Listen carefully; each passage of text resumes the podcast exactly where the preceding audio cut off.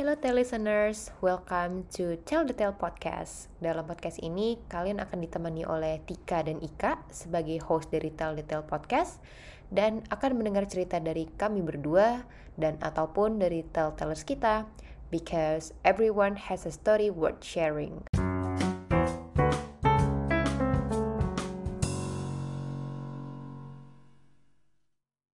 Hello, kembali lagi listeners. Semoga masih pada semangat, masih pada hmm. sehat, um, dan tidak lalai protokol. Gimana Mbak Ika? Betul, betul. Setuju. Ini kayak kita tiap episode harus mengingatkan ya, Tik ya?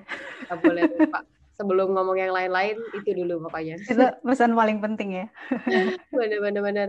Oke oke. Intinya sih semoga teman-teman uh, di luar sana tetap um, sehat semuanya, saling jaga kesehatan. Jadi sambil santai-santai kita bisa sambil hmm. dengerin Tell the Tell podcast ya Mbak Ika ya. Bener banget. Ini kita masih uh, di topik mengenai scholarship ya Tik ya. Betul sekali biar serasa agak jalan-jalan juga kan kayak waktu um, traveling gitu. Cuman kalau ini mungkin jalan-jalannya agak dalam rangka studi sama ngomongin beasiswanya gitu ya. Benar um, nah, biar nggak makin lama nih, langsung aja kita sambut tell-tellers kita. Ada Mas Rifan. Halo Mas Rifan. Halo Mas Rifan. Halo, halo Mbak Tika, Mbak Ika. Selamat pagi waktu UK. di oh, pagi waktu UK. ya di Indonesia lagi ini udah sore kebetulan. iya iya iya. Gimana kabarnya Mas Rifan? Alhamdulillah sehat. Kalau saya sih sehat ya, tapi ada concern nih karena kabarnya di Indo kan lagi naik terus ya. Jadi ya. uh, lebih mengkhawatirkan kondisi keluarga daripada diri sendiri. Karena di sini Sangat, uh, ya. di sini lebih aman sih. Iya, iya. Ya, ya, ya, itu sangat bisa dipahami. ya kalau hmm, misalnya yang lagi tinggal di luar negeri mungkin ya alhamdulillah aman. Cuman mau hmm. nggak hmm. mau relasinya kan semuanya ada di Indonesia ya. Dan kalau melihat berita ada sesuatu di Indonesia pasti tetap ada jadi ikutan was-was juga gitu ya. Betul. Betul, betul Mbak Tika. Ya, ya. Tapi uh, situasi di UK sendiri bisa dibilang sudah terkendali ya? Di UK sekarang restriction mau mau uh, mulai di ini ya dihilangkan hmm, bertahap mm -hmm. gitu. Karena angka vaksinasinya sekarang sudah sudah mulai banyak banget dan mhm. vaksinasinya juga cepat.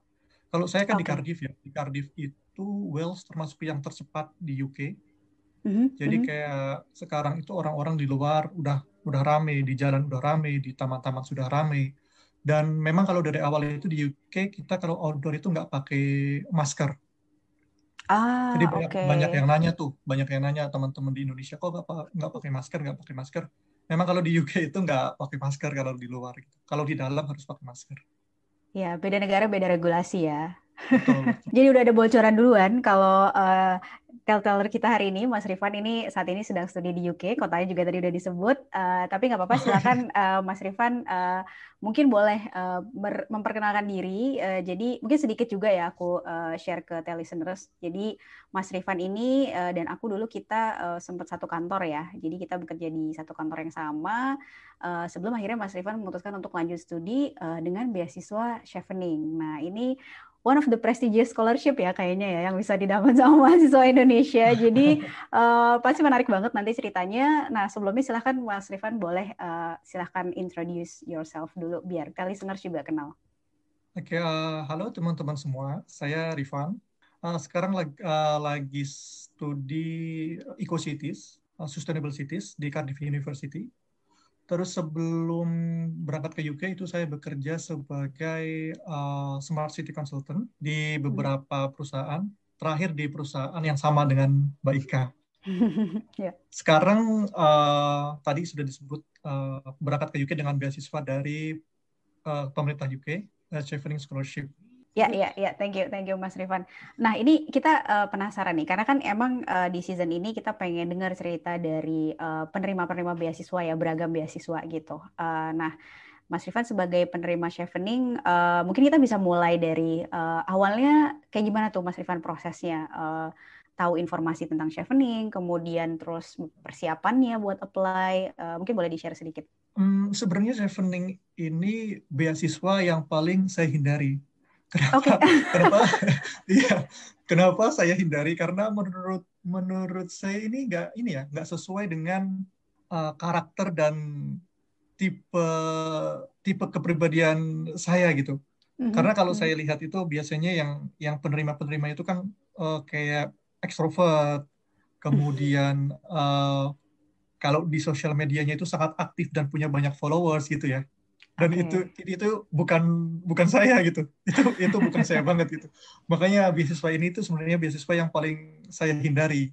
Jadi kalau ditanya dari awal sebenarnya nggak pernah nggak pernah searching ataupun uh, berusaha untuk dapat beasiswa ini. Malah saya mencobanya itu beasiswa beasiswa yang lain.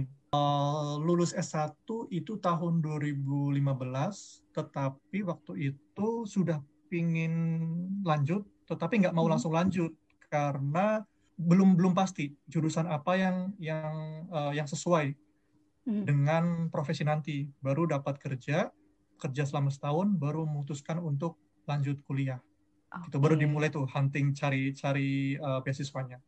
Uh, dan akhirnya uh, tertarik terus kemudian um, akhirnya apply ke chevening gimana tuh Mas Rifan ceritanya? Oke, okay.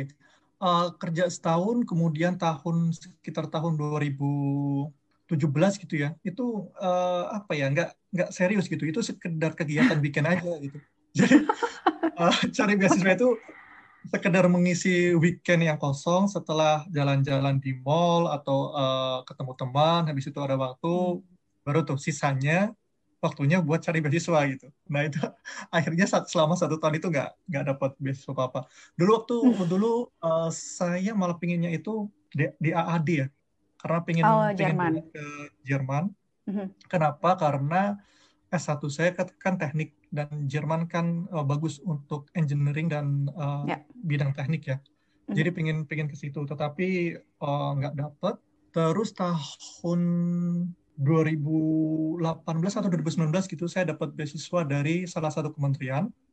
Oke. Okay. Uh, tetapi nggak jadi berangkat uh, nyoba nyoba nyoba lagi nggak dapat dapat akhirnya saya memutuskan udah nggak mau lanjut sekolah mau fokus di karir aja nah terus okay. mau fokus di karir aja terus masuk ke ini masuk ke perusahaan yang sama dengan baik itu saya tadinya udah mau uh, mau fokus untuk ke karir nggak mau ke edukasi okay. karena ini ya uh, umur semakin apa umur semakin banyak kemudian cita-cita pertimbangan semakin banyak ya banyak, uh, jadi harus move on gitu saya memutuskan ya. oke okay, move on uh, fokus di karir waktu masuk ke perusahaan ini ternyata ketemu temen yang justru di dalam perusahaan itu banyak yang uh, lagi mencari kesempatan untuk sekolah lagi gitu. Jadi, ah, oke. Okay. Ini gimana sih saya oh, sudah memutuskan untuk nggak mau sekolah masuk perusahaan ini. Ternyata di, di dalam perusahaan ini itu isinya orang-orang yang pingin lanjut sekolah gitu loh. Oke, okay, oke. Okay. Uh, jadi ketularan lagi. Para para udah di, udah di udah move on tuh tadinya udah move on. Jadi ketularan lagi. Termasuk termasuk uh, atasan saya pas itu juga mm-hmm. salah satu yang pingin lanjut lagi gitu. Nah di mm-hmm. situ akhirnya ya udah ikut ikut uh, ikut teman itu ikut teman teman ini uh, salah satu teman dekat di kantor itu dan mm-hmm. dia apply chevening akhirnya aku ikut apply chevening dan dapatlah chevening itu padahal uh, dari awal tadi udah disitain nggak salah satu beasiswa yang paling paling dihindari Oke, okay, jadi cerita ya panjang banget ya. jadi ini benar-benar unexpected bisa dibilang ya hmm, hmm, Karena kan beasiswa kan ini ya, beasiswa biasanya kan sesuai sesuai karakter ya. Mm. Bukan sesuai karakter. Ada karakternya masing-masing gitu ya. Dan menurut saya chevening itu bukan bukan karakter saya gitu, bukan karakter saya dan bukan uh, ketik kalau saya apply mungkin chance saya akan akan dikit. Mm. Nah, eh, nggak uh, tahu tuh kenapa tiba-tiba setelah daftar malah dapat. Ya, ya ini ini menarik sih soalnya Mas Rifan menyebutkan beberapa kali um, tentang karakter ya. Ya mungkin dulu pas hmm. awal-awal aku sempat coba cari beasiswa, lama kelamaan agak-agak nangkep juga sih pattern itu gitu. Cuman hmm. ketika memang sadar kalau chevening ini karakternya seperti apa tuh memang setelah deep research, kemudian compare satu beasiswa dengan beasiswa lainnya, atau kayak um, emang stigma yang didengar aja sih selama ini gitu. Hmm, ya benar kak. Jadi karakter karakter itu memang ada ya. Jadi mungkin sekarang karena saya sudah sudah uh, mengalami seleksinya dan dan beberapa beberapa kali bantu teman-teman untuk uh, yang daftar chevening itu ketika kita uh, baca esai aja gitu ya itu bisa kelihatan apakah esai ini sudah sudah memenuhi apa yang di expect sama komite atau enggak itu bisa bisa kelihatan gitu dan kalau saya lihat teman-teman teman-teman sekarang gitu ya, sesama awardee gitu, itu memang ada lah, ada ada sesuatu yang menyatukan lah, ada sesuatu yang pattern-pattern yang sama. Misalnya kalau saya sebutkan aja impact misalnya ya, mm-hmm. itu hampir hampir semua itu ada mereka punya impact masing-masing sebelum sebelum berangkat gitu, sebelum ikut beasiswa gitu, yang mungkin mereka showcase ketika di seleksi itu. Itu salah satu yang penting sih mungkin. Oke, berarti yang dulunya um, apa prediksi Mas Rifan gitu ya kalau uh, Chevening ini kayaknya kok agak nggak cocok sama karakter Mas Rifan yang uh, mungkin tadi sempat mention uh, lebih introvert gitu ya. Padahal mungkin kalau yeah. kalau Chevening yang yang di opini uh, Mas Rifan adalah ini yang punya impact, kemudian yang aktif di sosial media, yang ekstrovert hmm. gitu ya. Tapi jadi kayak setelah udah jadi awarded terafirmasi gitu bahwa memang ya, um, komunitas di penerima chevening seperti itu gitu. Betul. Tapi tapi berarti Betul, Mas Rifan sebenarnya kalau... bisa bisa blend in gitu kan di di uh, dengan sesama awardees ya. Oh nggak masalah. Jadi ketika hmm. ketika ternyata uh, uh, uh, uh, sebenarnya jarang kumpul juga sih karena covid. Maksudnya ketika kita ketemu uh, biasanya kita ketemunya online ya. Mm-hmm. Atau enggak kita kan punya database lihat uh, kita bisa lihat profil masing-masing awardee ya. itu uh, colorful, tetapi sebenarnya dugaan saya itu nggak meleset jauh. Jadi hmm. ada orang-orang dengan karakter saya, tetapi didominasi oleh yang yang tadi yang kayak uh, dia uh, terbiasa di panggung, kemudian okay. aktif. Itu menurut saya dominan. Tetapi hmm. tetap ada slot untuk uh, untuk yang yang nggak seperti itu gitu. Hmm. Yang yang dia punya punya cara punya caranya sendiri untuk uh, untuk menjadi opinion leader gitu nggak harus nggak harus di panggung gitu dan itu tetap ada slot untuk orang-orang seperti itu tetapi okay. memang banyakkan yang seperti tadi gitu ini menurut saya ya hasil risetnya ternyata benar ya tidak meleset iya, jauh lah iya. tadi bahasanya ya hmm. Tapi ini insight gitu. yang penting sih menurutku supaya uh, karena pasti sih uh, aku bisa paham gitu ya uh, sebagai yang uh, mungkin Tika juga uh, pernah mengalami gitu sebagai yang pernah uh, cari-cari beasiswa apply pasti kan ada pertimbangan ya ketika kita milih gitu. Oh ini kayaknya um, tipe-tipe penerimanya modelnya gini nih atau misalnya uh, oh kayaknya kalau kalau uh, kayak gue apply kayaknya nggak nggak nggak masuk deh kriterianya pasti ya pasti ada um, prediksi-prediksi kayak gitu gitu nah ini mungkin jadi semacam bisa uh, yang dialami Mas Rifan ini jadi semacam bisa jadi kayak menambah optimisme teman-teman di luar sana yang yeah, mungkin yeah. punya iya. opini yang sama tentang chevening tapi uh, ternyata nggak boleh patah semangat karena bisa jadi ada kriteria yang kita nggak nyangka uh, tapi ternyata kita bisa masuk gitu. Iya, atau uh, atau mungkin uh, effortnya mungkin effortnya besar di sini, tapi mungkin bisa jadi dapatnya itu yang di lain gitu, dan itu nggak ya, masalah ya. juga. Asal Betul. jurusan dan fokus fokus tadinya itu mm-hmm. seperti yang dipinginin sama teman-teman gitu. Ya, ya, ya. Kebayang. Karena balik lagi ya tergantung rezekinya juga kan tadi dapetnya di mana beasiswanya gitu. Padahal kita udah plot di mana, tapi ternyata lebih berjodohnya dengan yang lain juga gitu. Aku tapi penasaran sih kalau kan memang Mas Rifat sendiri bahkan udah ngelihat sepertinya karakternya ada yang berbeda nih, tapi kan ternyata memang dapet gitu chevening.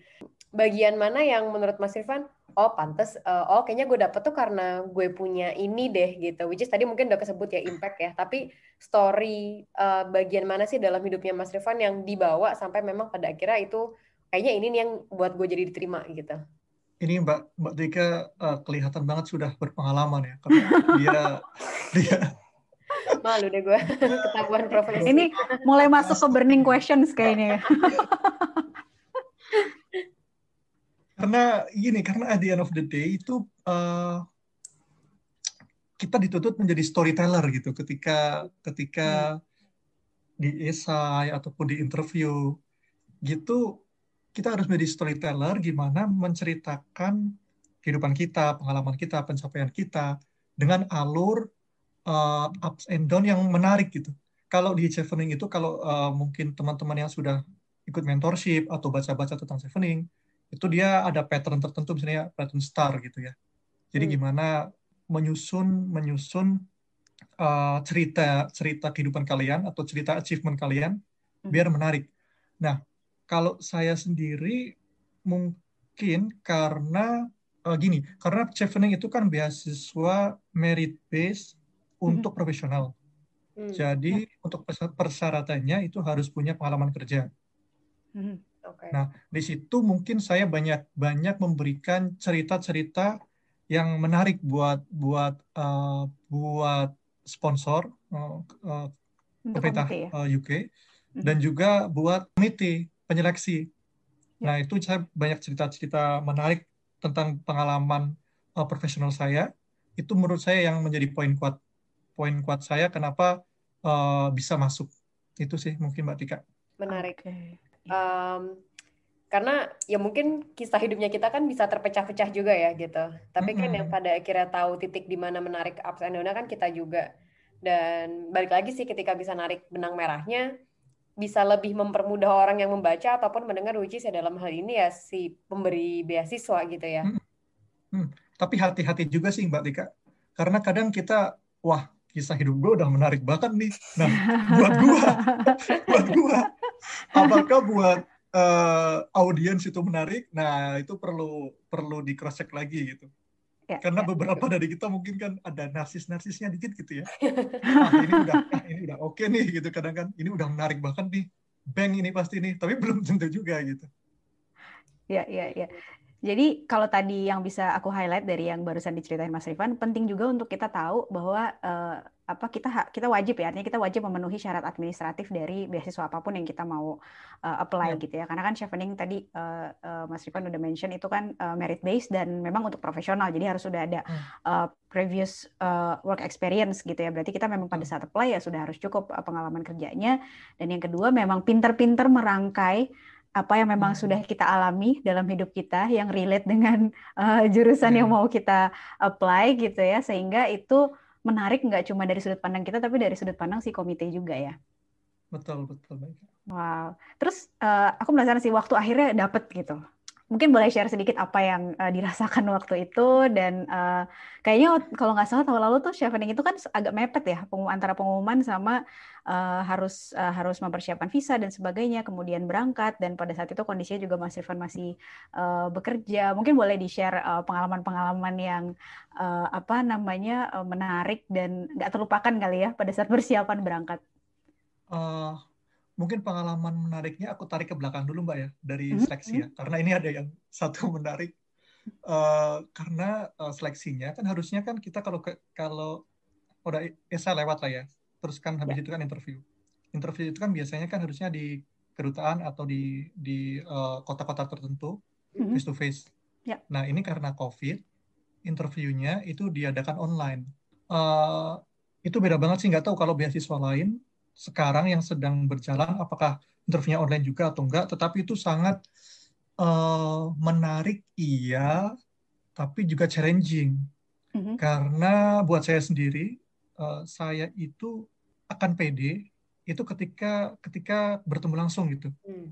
bahkan ah, kalau okay. di online di online itu saya merasa ada yang hilang gitu dan itu akan iya dan dan dan itu akan akan pasti akan dirasakan oleh oleh interviewer ketika kepedean kita itu drop itu walaupun itu akan tahu mereka gitu.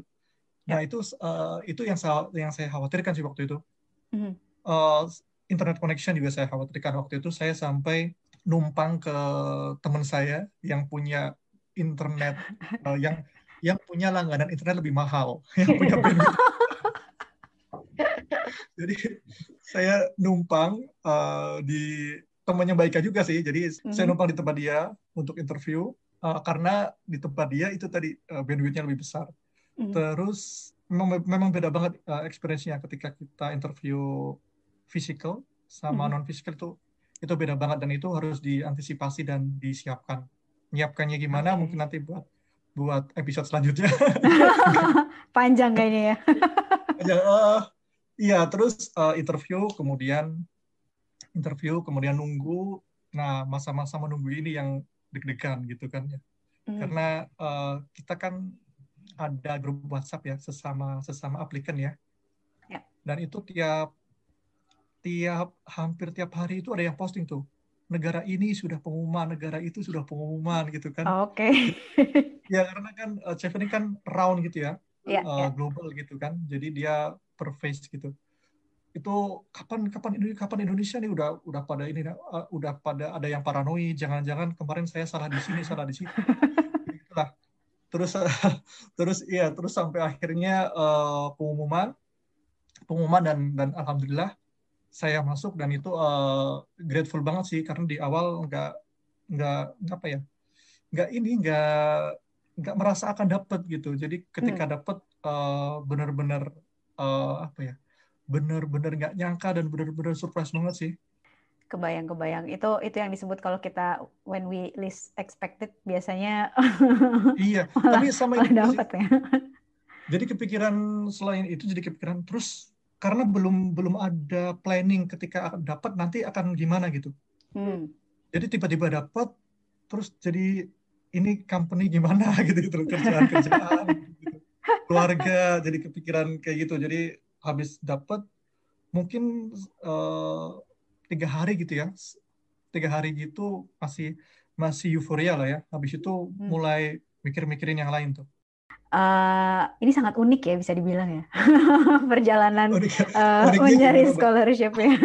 Karena ada ternyata pengaruh uh, lingkungan eksternal juga uh, cukup signifikan gitu ya. Dan hmm. uh, mungkin kalau poin-poin yang lainnya tadi Mas Rifan sebutkan sih mungkin itu juga dialami banyak praktisi ya. Maksudnya ketika kita mau uh, studi pasti kita lihat lagi nih um, alignmentnya dengan dengan karir kita atau profesi yang udah kita pilih kayak gimana nih gitu. Dan kalau memang uh, sebuah degree itu bisa membantu kita untuk lebih apa ya mungkin uh, bagaimanapun juga kan kita perlu me, apa ya trust itu kan gain ya hmm. jadi kan kita perlu dapat trust dari orang dulu sebelum kita uh, bisa yakin untuk kita uh, oh kita mau kasih ide-ide dan sebagainya gitu jadi betul sih di Indonesia itu masih salah satu faktor yang uh, penting ya jadi sangat wajar kalau jadi pertimbangan. Yap betul banget. Oke okay. belum kita ke dari mereka ada lagi mungkin enggak sih, udah um, mungkin kita bisa tanyain, um, menanyakan ini pertanyaan yang memang pasti kita tanyain ya Tika kalau di penutup ya. uh, mungkin ada tips-tips uh, yang Mas Rifan bisa share dari pengalaman uh, kemarin uh, apa ya? Mungkin walaupun uh, tadi ya sempat ada uh, naik turunnya gitu ya. Oh hmm. mau apply terus kemudian oh ntar dulu deh fokus ke karir. Uh, tapi akhirnya kemudian uh, memutuskan mantap untuk ngambil uh, chevening nah mungkin boleh share tips-tipsnya supaya kalau teman-teman uh, listeners yang lagi dengerin nih ada yang lagi uh, punya rencana mau uh, lanjut studi S2 juga dengan beasiswa kira-kira uh, apa-apa aja sih yang mesti dipersiapkan. Terus um, supaya semuanya bisa berjalan mulus tuh uh, apa yang harus dilakukan? Mungkin silakan Mas Rifan. Oke, okay, uh, eh, ini berarti sifatnya untuk uh, general scholarship ya gitu ya, karena kalau untuk yang chevening mungkin akan akan beda lagi. Hmm, mungkin gitu ya, Mbak ya? bisa general dan uh, lebih baik lagi kalau misalnya ada yang spesifik untuk chevening juga sih. yang yang ditemukan yeah. dari perjalanannya Mas Rifan lah ya, karena mungkin kan yes. beberapa kali coba beasiswa juga nih mungkin hmm. dari cara interviewnya oh ternyata beda juga ya yang mereka lihat dari gue kalau di Chevening lebih hal ininya nih gitu mungkin hmm. menemukan insight-insight kayak gitu juga. Oke, okay. uh, yang pertama mungkin teman-teman jangan ini ya, jangan uh, spend uh, waktu kebanyakan untuk hal-hal yang nggak real gitu. Hmm. Jadi uh, kayak tadi Mbak Ika sudah stres. Jadi kalau tidak memenuhi administrasi itu sudah pasti nggak nggak dapat. Nah, menurut saya lihat tuh list listnya apa saja uh, daripada kebanyakan datang ke festival-festival gitu ya. Karir deh ya. uh, daripada ya daripada kebanyakan datang ke festival-festival scholarship atau enggak kebanyakan browsing dan mikir-mikir, lebih baik lihat tuh uh, scholarship apa yang pingin, kemudian lihat listnya, hmm. coba penuhin, coba penuhin list-list itu gitu. Ya. Kalau yang paling standar kan mungkin uh, kualifikasi bahasa Inggris ya. Hmm. ya. Itu kalau kalau daripada datang ke festival terus menerus lebih baik coba mulai les atau hmm. langsung ambil tesnya juga juga nggak masalah. Jadi uh, yang hal-hal yang yang yang real kayak gitu. Hmm. Spend waktu untuk itu. Kemudian apa ya? Beberapa beasiswa itu strict dia uh, minta recommendation letter. Biasanya okay. uh, dari dari dosen sebelumnya, pembimbing sebelumnya, hmm. atau dari uh, mantan bos gitu ya, mantan bos di kantor gitu. Ya. Jadi pastikan uh, jaga dan maintain hubungan baik. jaga ya, dan maintain hubungan hubungan baik dengan uh, dosen, dengan uh, rekan dan bos kerja gitu. Mm-hmm. Di di maintain itu. Terus uh, apa lagi ya? Uh, oh iya, ini uh, yang terpenting karena nanti akan banyak uh, down gitu ya, bukan hmm. ups and down. Lebih banyak down saya. akan banyak masa-masa di mana kalian uh, udahlah nggak usah lah gitu ya atau udahlah sudahi saja gitu ya. sudahi saja. Iya, iya. Itu uh, kalian harus ini uh, kalau bisa itu ada partner gitu, ada partner berjuang bareng gitu, ada partner fighting bareng gitu. Bukan hanya saling menyemangati tapi uh, saling ini juga saling saling membaca gitu. Jangan-jangan tadi cerita cerita yang menurut saya sudah menarik banget gitu ya. ternyata ternyata belum tentu gitu. Jadi uh, de dengan adanya partner partner ini gitu ya, itu bisa ya. bisa ini bisa saling eh, ngasih feedback biar nanti semakin banyak mencoba aplikasinya bisa semakin bagus semakin bagus lagi. Okay. Nggak apa-apa kalau misalnya misalnya nggak dapat di percobaan ketiga atau keempat itu nggak apa-apa mm -hmm. karena kebanyakan seperti itu. Kalau uh, dapat di percobaan pertama itu uh, kalian keren banget. Jadi kalau ya banget. Eh, kalau biasanya kita suka lihat uh, ada di sosial media hashtag pertemanan sehat, mungkin kita mesti mulai bikin hashtag pertemanan beasiswa gitu ya. Iya, iya, iya bisa jadi.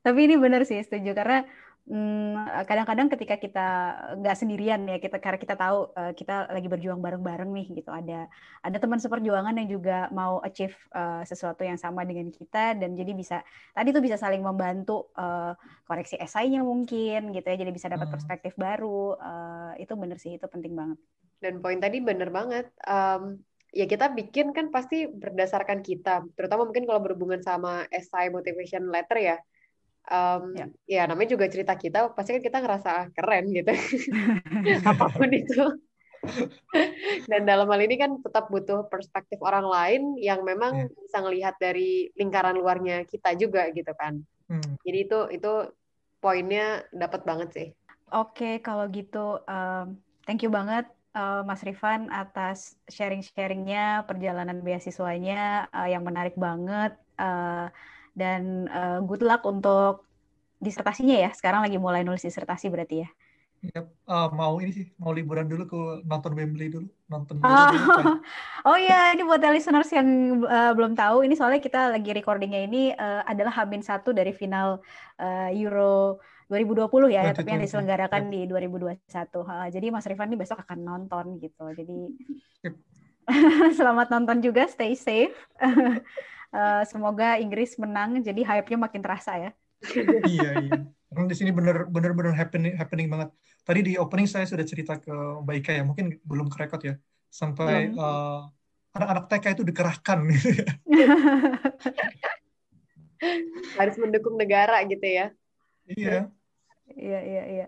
Oke, uh, sukses selalu Mas Rifan dan yang penting sehat-sehat selalu di sana sampai nanti kembali ke Indonesia juga. Oke, okay, yes. thank you Mbak Ika, thank you Mbak Tika. Kalian juga sukses terus. Oke, okay. oke okay, kalau gitu thank you banget juga buat uh, listeners yang sudah mendengarkan dari awal sampai akhir cerita-cerita tentang scholarships um, dari Mas Rifan. Tadi ya, kalau memang di percobaan ketiga, keempat memang ternyata belum berhasil, tetap ada angka 56 dan seterusnya gitu. Tapi yang udah move on aja ternyata masih bisa balik lagi karena ternyata menemukan lingkungan yang baru yang juga mendukung gitu. Jadi jangan khawatir. Oke, okay, kalau gitu um, terus pantau Instagram kita di @tel.tel.id. Kita akan update semuanya di Instagram kita untuk um, upcoming telltellersnya. Jadi follow terus dan see you on the next episodes. Bye bye. Dadah. Bye -bye.